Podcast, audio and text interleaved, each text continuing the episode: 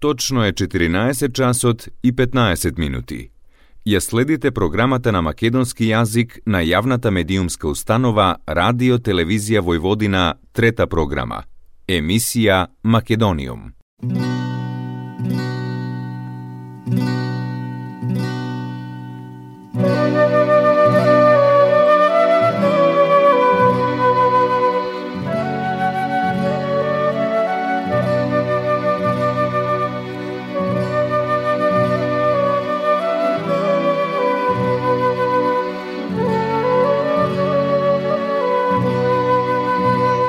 Македониум.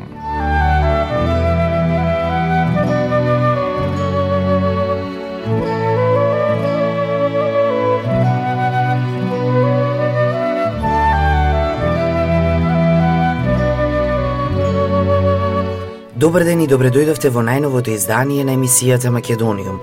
Со вас, почитувани слушатели, е вашиот уредник и водител Јулијана Милутиновиќ. Македониум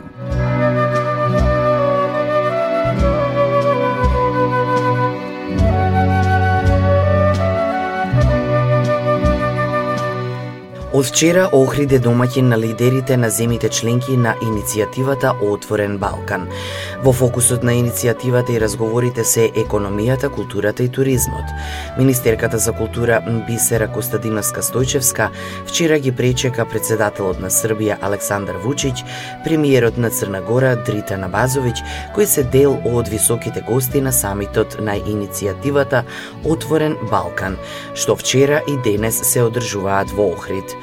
Не чекаат два интензивни дена кои ќе ги искористиме за унапредување на односите, за олеснување на комуникациите и за приближување кон европските цели во повеќе сфери, со фокус на културата и туризмот, рече Костадинова. Премиерот на Србија Вучиќ дојде со авион, а Абазовиќ пристигна со хеликоптер. За вчера беше предвидена работна вечера на премиерите на Северна Македонија и на Албанија. Синоќа се одржа работната вечера на Димитар Ковачевски и Еди Рама, председателот на Србија Александар Вучиќ, премиерот на Црна Гора Дритан Базовиќ и председателот на Советот на министри на Босна и Херцеговина Зоран Тегелтија. Македониум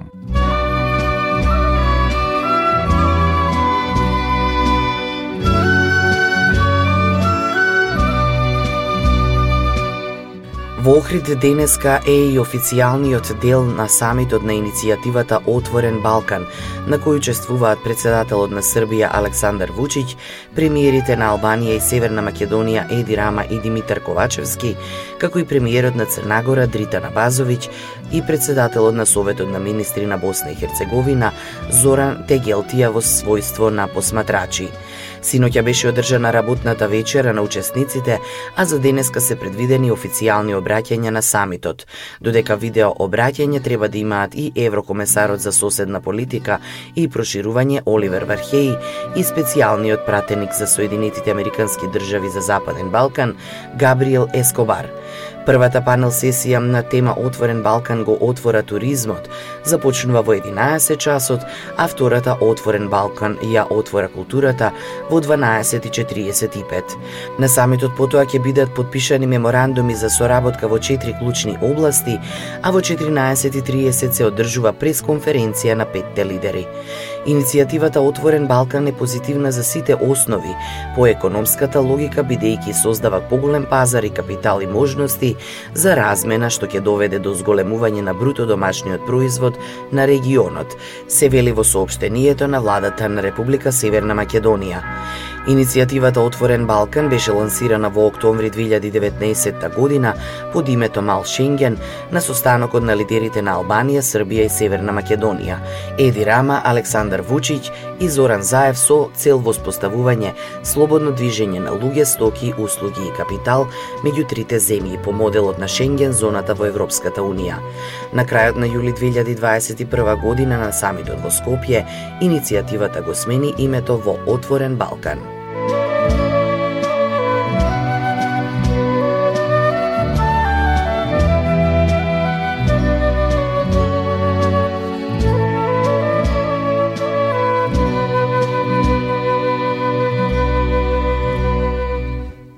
Македониум.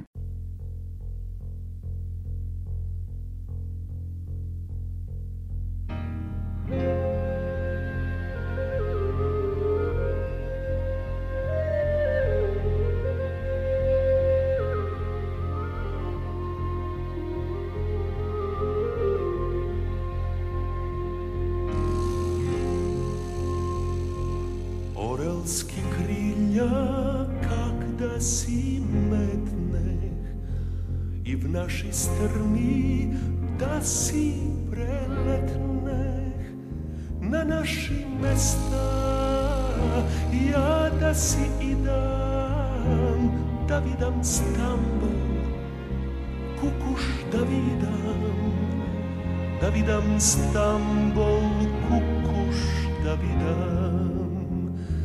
Da vidam da li sance i tamo grevjat mračno kako i vamo ugrevjat mračno kako i vamo.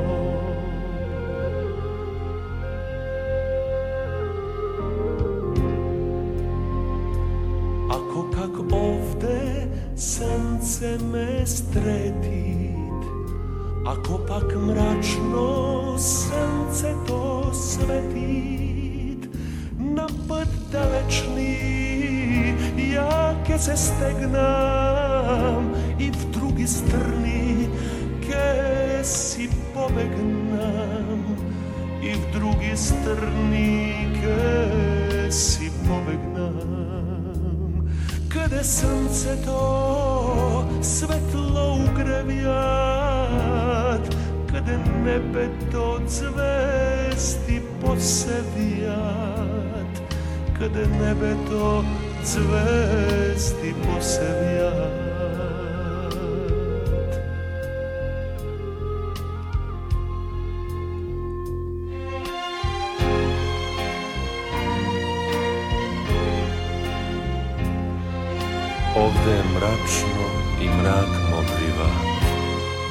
temna mgla zemlja pokriva. Mrazoj i snegoj i pepelnici, silni vetrište i vijulici, okolu mgli i mrazoj zemlji, a v grdi studoj i misli.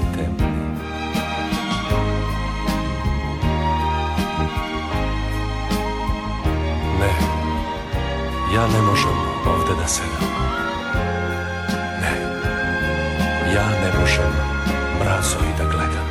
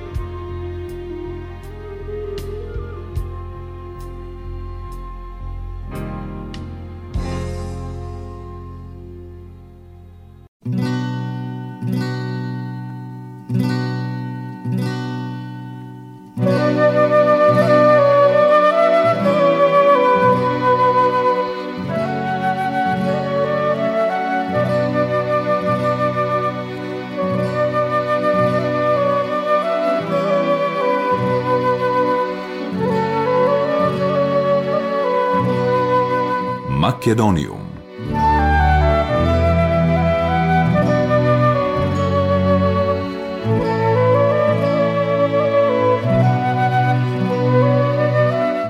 Четвртото издание на Златна рамка, филмската ревија на македонската продукција, во организација на Друштвото на филмски работници од Македонија, Годинава ќе се одржи од 9 до 12 јуни во киното Фросина во Младинскиот културен центар во Скопје.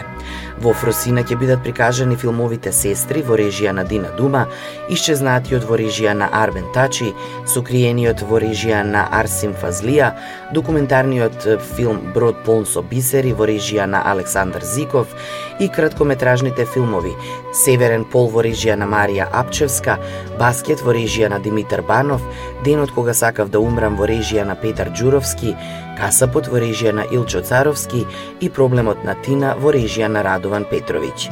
За разлика од предходните три изданија на филмската ревија Златна рамка, која представува годишен преглед на домашната филмска продукција во една календарска година, ова издание е проширено и со дополнителна работна програма со меѓународни гости, која ќе биде одржана во хотелот Александар Палас.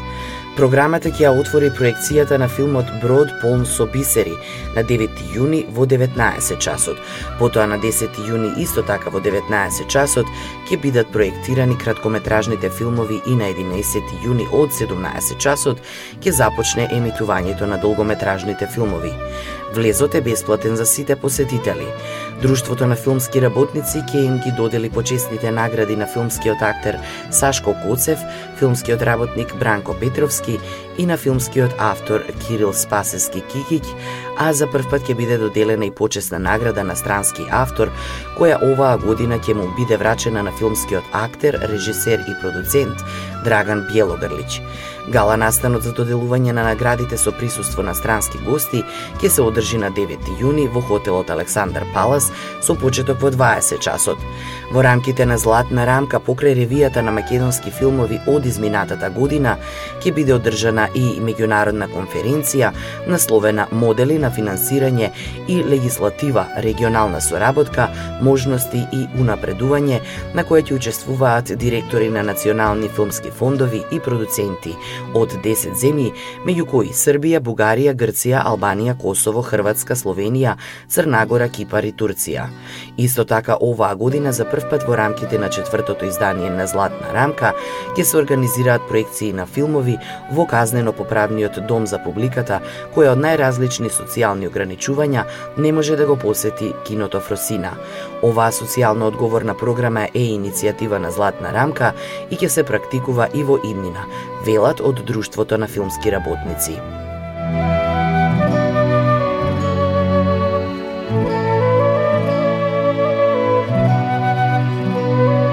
Македониум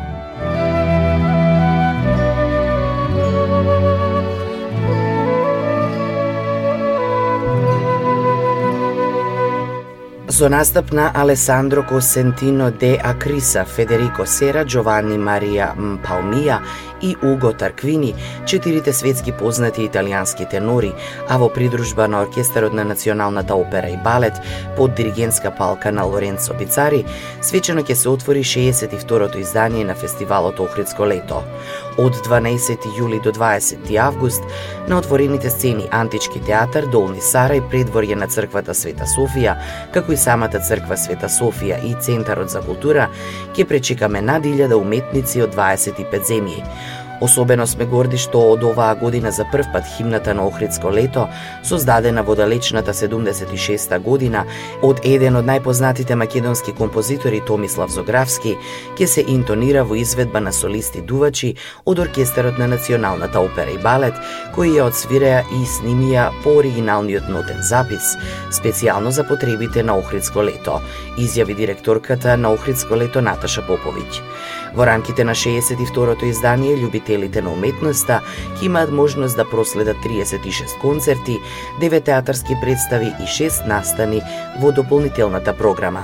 Настапот на камерниот оркестар Профундис, кој е еден од поновите македонски состави за камерно музицирање и кој бележи неколку успешни концерти со виртуозни програми, настапот на Стефан Миленковиќ, уште од дете одлично познат на македонската публика, врвниот светски виолинист кој нема потреба посебно да го представувам. Неговите настапи на фестивалот се речиси традиција и секогаш предизвикуваат еуфорија кај публиката, изјави Бисера Чадловска, селекторка на музичката програма програма. Драмската програма ќе ја предводат Њујоршката Ламама со копродукцијската Балкан Бордело, Белградските Војна и мир и Војкованја, украинската Кротењето на опаката, како и шест исклучителни домашни представи, најави селекторката на драмската програма Сања Арсовска. Затоа годинишната програма е селектирана по принципот на глобална важност, на проблемите кои ги живееме, кои не допираат и не образуваат. За прв пат доминантни во програмата се жени режисерки. Шест режисерки и четворица режисери во своите представи ќе дадат печат на ова фестивалско издание, изјави Арсовска. 62-то издание на Охридско лето ќе се затвори со концертот посветен на делото на легендарниот македонски композитор Александар Джамбазов, кој почина годинава.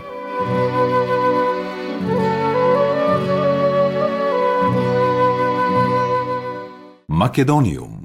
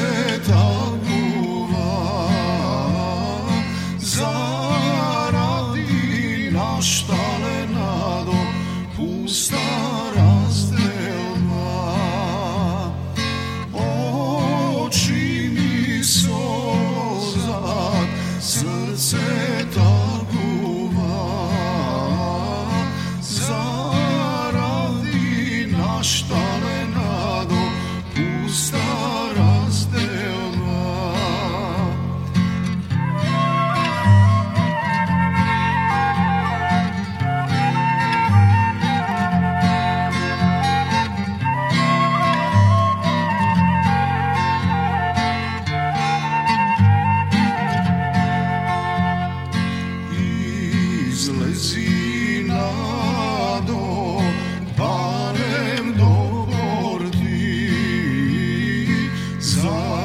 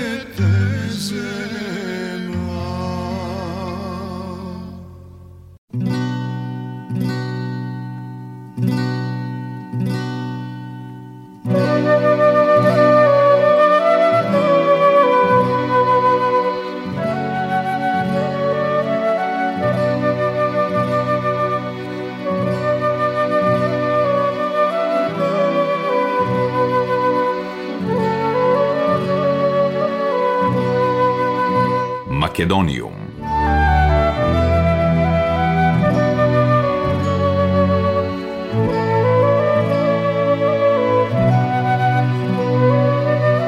Националната установа Заводи музеј Битола гостуваше во Европската престолнина на културата 2022 Нови Сад во музеот на Војводина со тактилна изложба и обука за пристапност на музеите.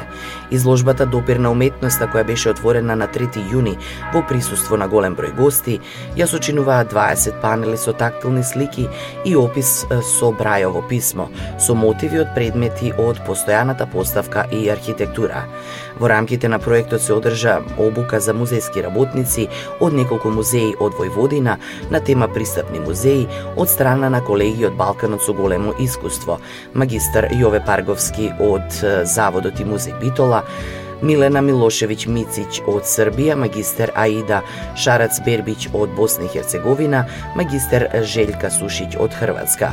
Раководител на проектот е доктор Ирена Ружин. Проектот е финансиран од Министерството за култура во рамките на годинешната програма од национален интерес, а Заводот и музеот Битола упатува голема благодарност до домакините од Музеј на Војводина и присутните на обуката и отворањето на изложбата за укажаната чест, интерес и гостопримство гостопримство.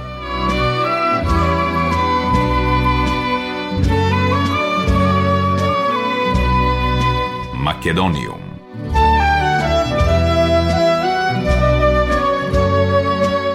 Како дел од заедничката имплементација на меѓународниот стрип конкурс All We Are Saying Is Give a Reconciliation a Change, денеска во Центарот за култура градот во Рашка ќе се одржи изложба на сите стрипови пристигнати на овој конкурс. Организација носител на овој проект е Стрип Центар на Македонија Велес. На оваа изложба ќе се изложат сите пристигнати дела од млади автори од Македонија, Србија, Црнагора, Босна и Херцеговина и Косово на тематскиот стрип конкурс на тема помирување, регионално помирување после војна. Исто така на оваа изложба, како и специјалниот наменски каталог, вклучени се и некои стрипови кои беа поднесени вон конкуренција. Пристигнатите дела од младите автори беа оценети од меѓународно стрип жири, составено од уметници од земјите учеснички.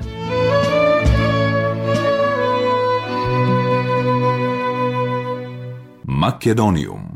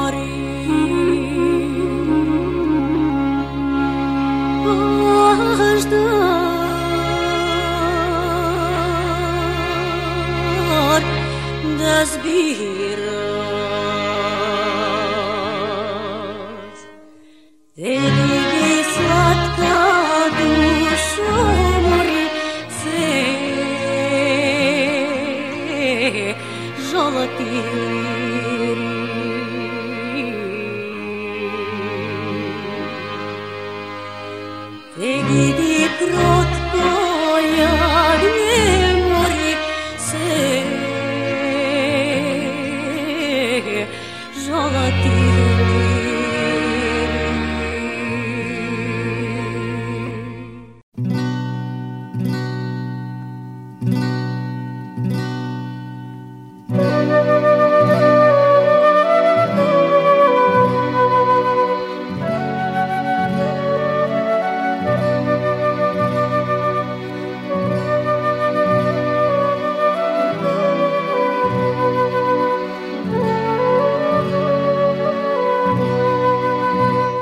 Македониум.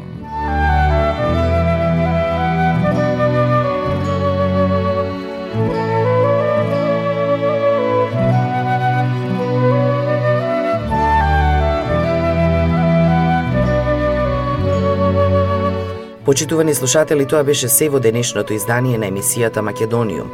До следната среда во исто време, срдечен и голем поздрав од вашиот уредник и водител Јулијана Милутиновиќ.